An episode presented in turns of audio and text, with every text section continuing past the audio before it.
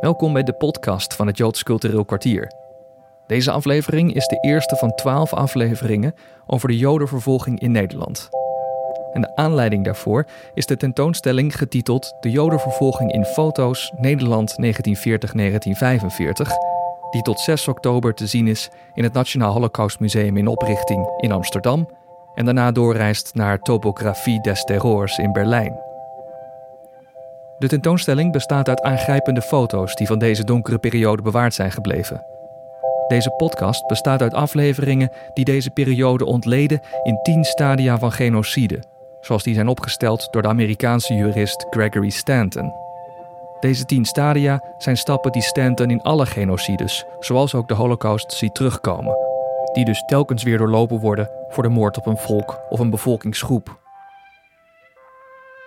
Als slachtoffer of getuige van discriminatie of geweld voel je je vaak machteloos.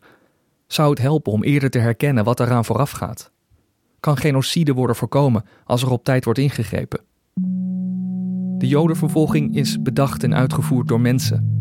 Sommigen hadden een actieve rol als dader, anderen hebben zich verzet, maar de meeste mensen deden niets.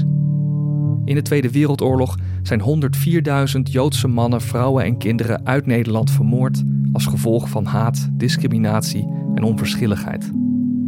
Maar de les van Stanton is dat het begon met kleine, schijnbaar onschuldige stappen. In de volgende afleveringen kun je luisteren naar de samenstellers van de tentoonstelling, die werkzaam zijn bij het Joods Cultureel Kwartier of bij het NIOT, het Instituut voor Oorlogs, Holocaust en Genocidestudies. Maar je hoort ook fragmenten van mensen die de Jodenvervolging hebben overleefd en hun verhaal hebben verteld in het interviewproject 2000 getuigen vertellen, dat onderdeel is van de USC Shoah Foundation, opgestart door filmregisseur Steven Spielberg. De foto's waarover in de podcast wordt gesproken kun je ook online bekijken op www.jodenvervolginginfoto's.nl.